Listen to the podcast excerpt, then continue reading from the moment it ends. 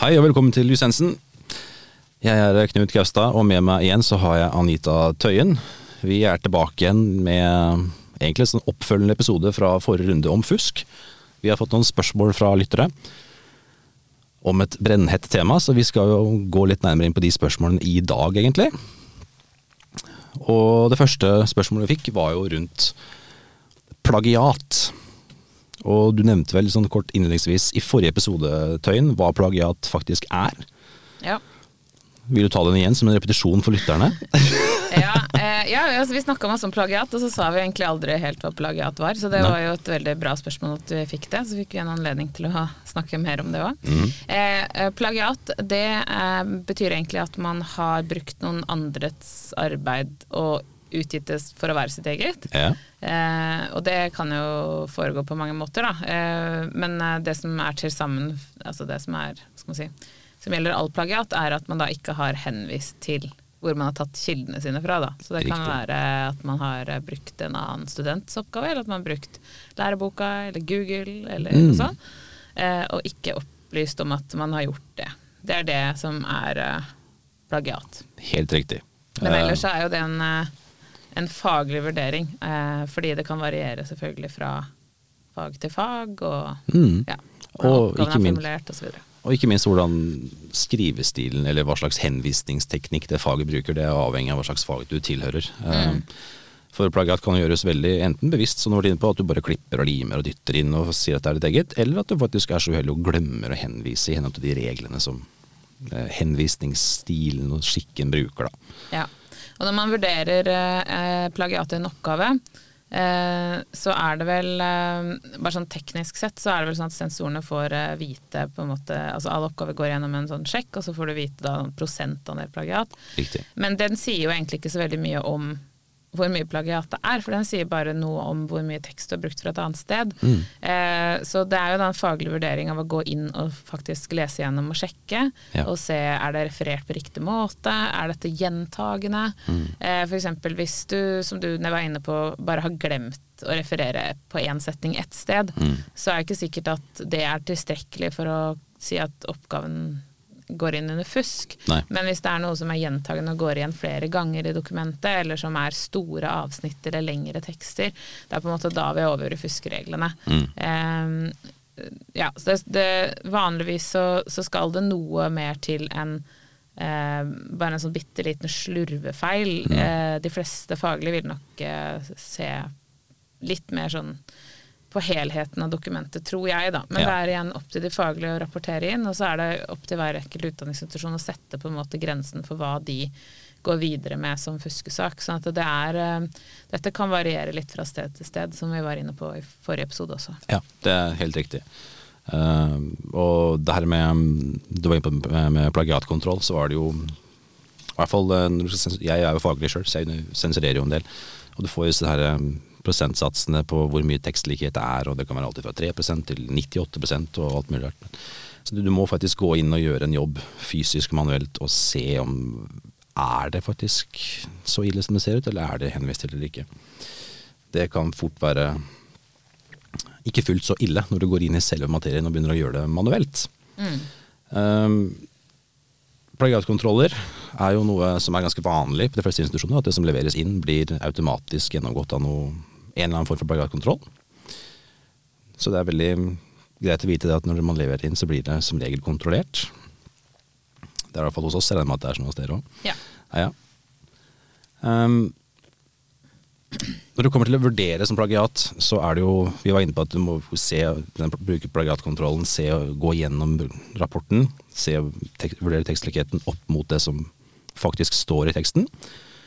Så det er en del automatikk, og det er en del manuelt arbeid. Og så må du gjøre som det du var inne på, ta en helhetsvurdering av oppgaven her sånn. For det kan være hendig uhell på et enkelt sted. Det kan være en gjennomgående feil med at du ikke bruker denne kildehenvisningsteknikken, f.eks. Eller at du har klippa og lima inn ting som du, som du eh, ikke skulle gjort. Og så har det vært en tendens som jeg tror kanskje mange studenter har greit å vite om, er at mange oppgaver kan få likhet med hverandre. Det betyr ikke at nødvendigvis de oppgavene har sett på hverandre. Det kan også være at de oppgavene har et felles utgangspunkt, f.eks. en felles pensumbok. For um, mange fag har jo utenlandske pensumbøker, eller eldre bøker, som ikke ligger i digitalt. Så det ligger, har hittil ikke ligget i uh, disse plagiatkontrollsystemene. Så da vil man automatisk bare se likheter med andre besvarelser, ikke nødvendigvis hovedkilden. Så når du sitter her som sensor og skal vurdere plagiat, så må du ha litt peiling på pensum og fagstoff som tilhører ditt fag, og gjøre en reell grundig jobb, faktisk. Ja, og de, disse eh, plagiatkontrolls... maskinene, eller hva man skal kalle det, mm. eh, verktøyene som vi bruker, eh, de blir jo bedre og bedre også. Ja. Eh, så mer og mer fagstoff f.eks. vil bli lagt inn etter hvert. Eh, og Eh, dessuten så blir den også bedre på å sammenligne og på å se f.eks. omskriving mm. eller oversettelse fra et språk til et annet og sånn. Så det her henger også litt sammen med teknologi, mm. og er noe som jeg tenker at jo bedre teknologi vi får, jo lettere vil jo denne jobben kanskje bli for de faglige. Ja. Men jeg tror alltid at det vil måtte være en faglig vurdering. Fordi at, uh, som du sier, da, du må ha ganske god kontroll på pensum og lærebøkene og sånn for å klare å faktisk se eh, om dette er Eh, bare sånn metoden er i dette faget, ja. eller om det på en måte er tilfeldig at det er tatt osv. Og, og så har vi jo noen sånne ting vi ser etter, da, som f.eks. hvis man har samme skrivefeil på samme sted og sånn, ja. så er jo det liksom litt tegn på at det er copy-paste. Ja. Men, eh, men, det trenger ikke nødvendigvis å være en skrivefeil for at det skal eh, oppdages, da. Det kan, det kan, være noe helt annet som gjør det. Så ja. Dette, dette kan de sensorene stort sett eh, veldig bra, da. Det, det bør det, men det skal det. Mm. Um, fremdeles innenfor uh, plagiat, så vi snakka vel delvis litt om det her i forrige episode, når det gjaldt selvplagiering, selvplagering, at det fremdeles er under paraplyen plagiat. Du hadde også en liten definisjon den gangen. Mm. Vil du mm. gjenta den også til eh, de ganske lyttere over uh, hele verden her? Ja, altså uh, selvplagiat det er et ord vi bruker som er litt sånn omdiskutert, bare selve ordet òg, mm. Men uh, gjenbruk av tekst er kanskje egentlig et bedre ord. Og, og, definisjonen på det er at man tar tekst man tidligere har eh, laget, og så bruker det på nytt. Og det er jo ganske vanlig i akademia å gjøre, egentlig. Ja. Men på eksamen så skal man ikke gjøre det, fordi da eh, får man på en måte uttelling for noe to ganger. Det er det som er tanken. da. Stemmer. Og så har det vært eh, gjeldende på en måte forståelse, tror jeg, i sektoren til nå, at man stort sett har eh, også Altså uansett hva slags eh, måte du har levert denne teksten på, om det har vært et arbeidskrav eller en tidligere eksamen eller hva det har vært, så har det kunnet få treff på plagiatkontrollen. Mm. Eh, og nå er det jo en ny lov som skal vedtas neste uke, da er det jo definert litt annerledes, og, og der har man da gått bort ifra f.eks. dette med eh, så nå er det kun hvis du har fått uttelling tidligere for, mm. Eh, for den oppgaven, at det kan telles som selvplagiat. Så det er jo en liksom en skjerping av den regelen, kanskje. Ja. Eh, men det er en veldig omdiskutert eh, regel, og det er eh, stor diskusjon blant Norges fremste jurister på hvorvidt selvplagiat eller gjenbruk av egen tekst er fusk, mm. eller om det bare er dårlig skriving, på en måte. Ja. Så her er det mange meninger. Men den, sånn som gjeldende rett er, da, så er det sånn at hvis du har fått uttelling for dette tidligere, så kan du ikke få uttelling for det igjen. Da Nei. kan du bli tatt for fusk. Mm. Så Derfor så må man liksom være litt forsiktig, særlig f.eks. For hvis man har uh, Dette er liksom spesielt relevant hvis du har stryket på en bacheloroppgave eller en masteroppgave, mm. og så skriver du en ny. Det kan være liksom fristende å bruke en del på nytt, fordi kanskje skriver du med det samme temaet en gang til, eller ganske likt. Ja. Og da kan du få Da kan du bli tatt for plagiat, mm. eh, hvis du ikke viser til din egen oppgave. Så mm. det er eh, en slags uh, forsøk på definisjon på gjenbruk av egen tekst, ja. uh, som er vanskelig, fordi det er så omdiskutert. Ja. ja. Uh, og Vi kan egentlig forsøksvis oppsummere det med plagiat med noen enkle tips og triks. litt det med, Vi var inne på det forrige episode, at les eksamensreglementet. Hva er det som gjelder for denne eksamen her? Hvilken henvisningsteknikk skal du ha? Ikke klipp og lim fra andre. Hvis du skal gjøre det, så henvis for all del til de oppgavene du faktisk har brukt. Og vær flink med å referere. Det er mm. bedre enn for mye enn for lite, for den som er for lite, kan gi deg store, fatale konsekvenser som student. Ja, og så Hvis du tenker på konsekvensen, så er jo konsekvensen at du refererer feil. Er kanskje at du får en dårlig karakter. Konsekvensen mm. at du ikke refererer i det hele tatt, er at du kan få annullert oppgaven og bli utestengt. Nemlig. Så jeg tenker jo at uh, hvis man er usikker, uh, og ikke har tid til å bli sikker, mm. så heller referere en gang for mye. Ja. Og så er det jo dette med ta også en, liksom en ekstra, lese gjennom oppgaven før du leverer, så du er Ja. sikker på at du har fått med deg alle referansene dine og sånn, riktig. Veldig lurt. For det er så lett å glemme det et eller annet sted, eller at man er helt sikker på at man la til det kulepunktet, men så hadde man glemt det og sånn. Er, Vi hører disse unnskyldningene veldig mye, Mm. Ja. og jeg tenker at har man satt tid til å uh, lese gjennom en gang ekstra, så ja, og det har du når du har flere dager på å levere en oppgave. Ja. Så har du tid til å sette av ti minutter til det også. Du har det, helt klart. Men øh, jeg tenker at vi har klart å presentere plagiat på en generell og fin måte nå, egentlig. Jeg håper, eh, jeg håper det var litt tydeligere enn i forrige episode, der vi hoppa litt sånn over det. Ja. så det så kanskje det er litt, øh, ja, litt bedre forklart nå. Ja. Så fikk vi også et spørsmål når det gjaldt øh, rettigheter ved fusk. Ja. Altså hva slags rettigheter har da, og da tenker vi primært på studentene som er mistenkt her. Og Mm. her har du ganske lang erfaring. Ja, eh, ja det, dette har jeg jobba masse med som studentombud, selvfølgelig. Eh, men eh, vi var jo inne på dette her i de Hvis noen er veldig interessert, så kan de jo gå tilbake og høre på episoden vår om forvaltningsrett. Ja. For dette handler jo veldig mye om de tingene vi snakka om der. Eh, og det, de rettighetene er jo da laget for å, å på en måte beskytte studenten for uh, inngrep fra det offentlige, eller fra utdanningsinstitusjonene i dette tilfellet. Ehm, og da har man jo mange ulike rettigheter. For det første så har man jo da kontradiksjonsrett, som betyr at man har rett til å eh, uttale seg om saken og si sin mening osv. Det gjøres liksom litt forskjellig Ja. forskjellige steder. Noen har skriftlig kontradiksjon, det har vi på BI. Mm. Det betyr at du får en mail, og så må du svare på den mailen så godt du kan. Mm. Ehm, andre steder er det muntlig kontradiksjon, så da blir du kalt inn på et møte eller sånn. Men det spiller ingen rolle. Det, det, det skal uansett være en mulighet til å få sagt det du vil. Ja.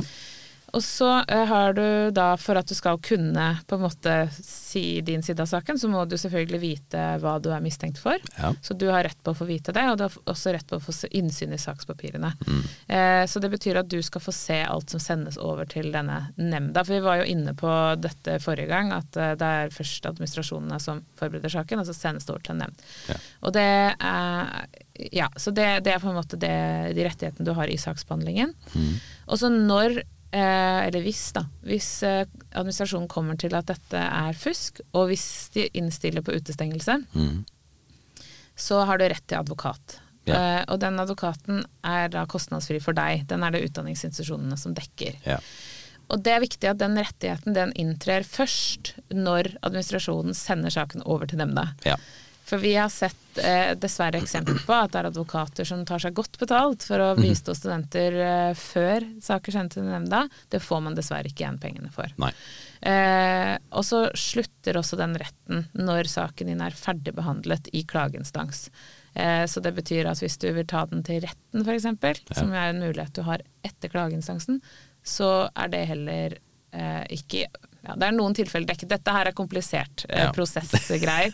det finnes noen dommer som sier at du i noen tilfeller skal få det dekket osv. Mm. Men eh, som en, eh, et utgangspunkt da, så kan du tenke at du har rett til gratisadvokat fra saken åpnes, altså fra den sendes over til nemnda og til den er på en måte ferdig. Ja. Eh, og sånn er du usikker på om du har dekket advokat, så spør heller utdanningsinstitusjonen enn å spørre advokatfirmaene. Ja. Fordi advokatfirmaene de svarer ikke alltid helt riktig på det spørsmålet. Nei, det gjør de ikke. De har ofte tidligst også litt andre perspektiver på ting enn Ja. man trenger å ha. Så Ja.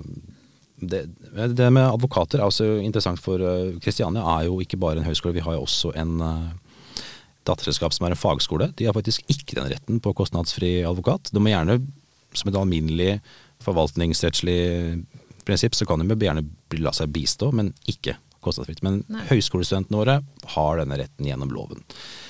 Og det er ikke noe vi har bestemt, folkens. Det er uh, lovgiver, så det, sånn er det bare.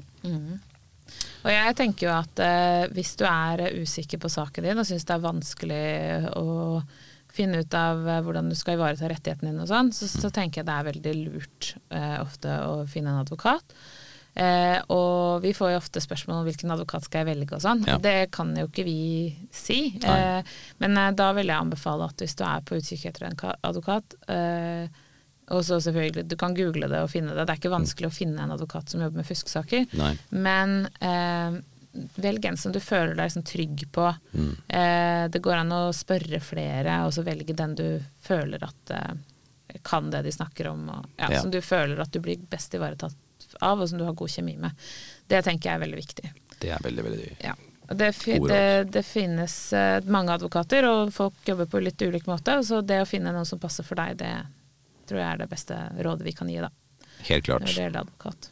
Det er en, eh, det er en skummel prosess for mange studenter som går inn i en typisk nemndsbehandling. Og du skal jo, for de studentene som eventuelt møter i behandlingen i nemnder som godtar det, så er det jo det kan oppfattes veldig skummelt. Det er greit å ha en backingpartner som sitter her og kan lovene og reglene som du blir prøvd på. Både i førsteinstans og da i klageinstansen i felles klagenemnd for de som eventuelt havner der og da. Så det er en betryggende faktor sånn sett. Ja. Så utnytt den goden de har. Ja, altså, ja, hvis du føler at det er til din fordel, da. Noen Mm. mm. syns jo selvfølgelig det er best å ikke ha advokat også, og det er også helt greit. Helt. Vi ivaretar jo selvfølgelig også de som ikke har advokat, så eh, det skal være helt mulig å gå gjennom prosessen uten. Mm. Eh, men jeg anbefaler det gjerne til studenter som føler seg usikre og, og føler at de ikke får det til helt og sånn. Ja. Eh, så, men eh, det er sånn, jeg vet ikke om vi har noe tall på det, men kanskje halvparten eller noe sånt velger å la seg bistå advokat. Eh, ja. Og det er ikke noe, vi ser ikke noe forskjell i tallene på hvem som får utstengelse og ikke, f.eks. På hvem som har advokat og ikke. Det, Nei. heldigvis er det ingen sammenheng på det. Det er sant. Det handler nok mest om hvordan, hvor godt ivaretatt du føler deg i prosessen, eh, mer enn hva resultatet av saken blir. Det er helt riktig. Vi har de samme erfaringene fra Kristiania, så det er veldig god og lik erfaring. Ja. Eh, advokat, er rettigheter, ja, stemmer. Eh, og da var det vel det siste vi skulle bare snakke om, da var det det her med klagerett og på Ja. vedtak fra nemnda.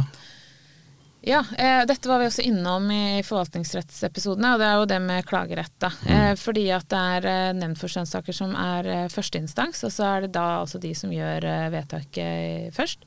Eh, så kan du, har du jo da klagerett på det. Ja. Eh, og eh, da skal nemnda gå gjennom saken din en gang til, før de sender det over til klageinstans. Ja. Og klageinstansen det er en egen nemnd som heter Felles klagenemnd, som er en nasjonal nemnd for alle klagesaker. Eh, den er underordnet eh, Kunnskapsdepartementet, eh, så vidt jeg vet, eh, og er da en selvstendig nemnd. Så det er anneinstansen.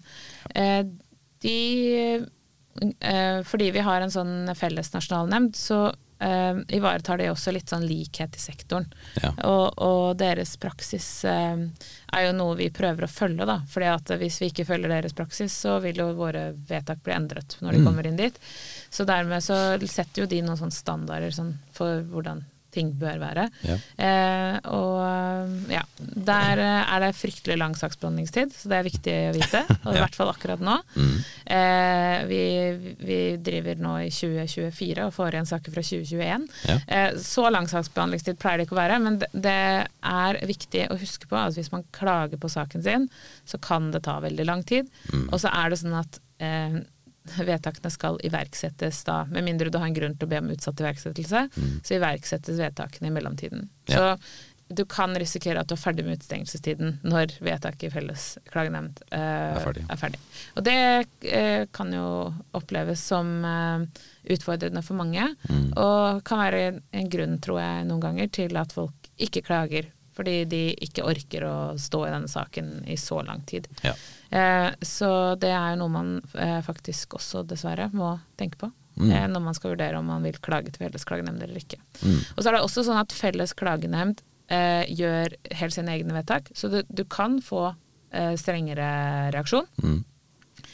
og så utestenger de også når som helst.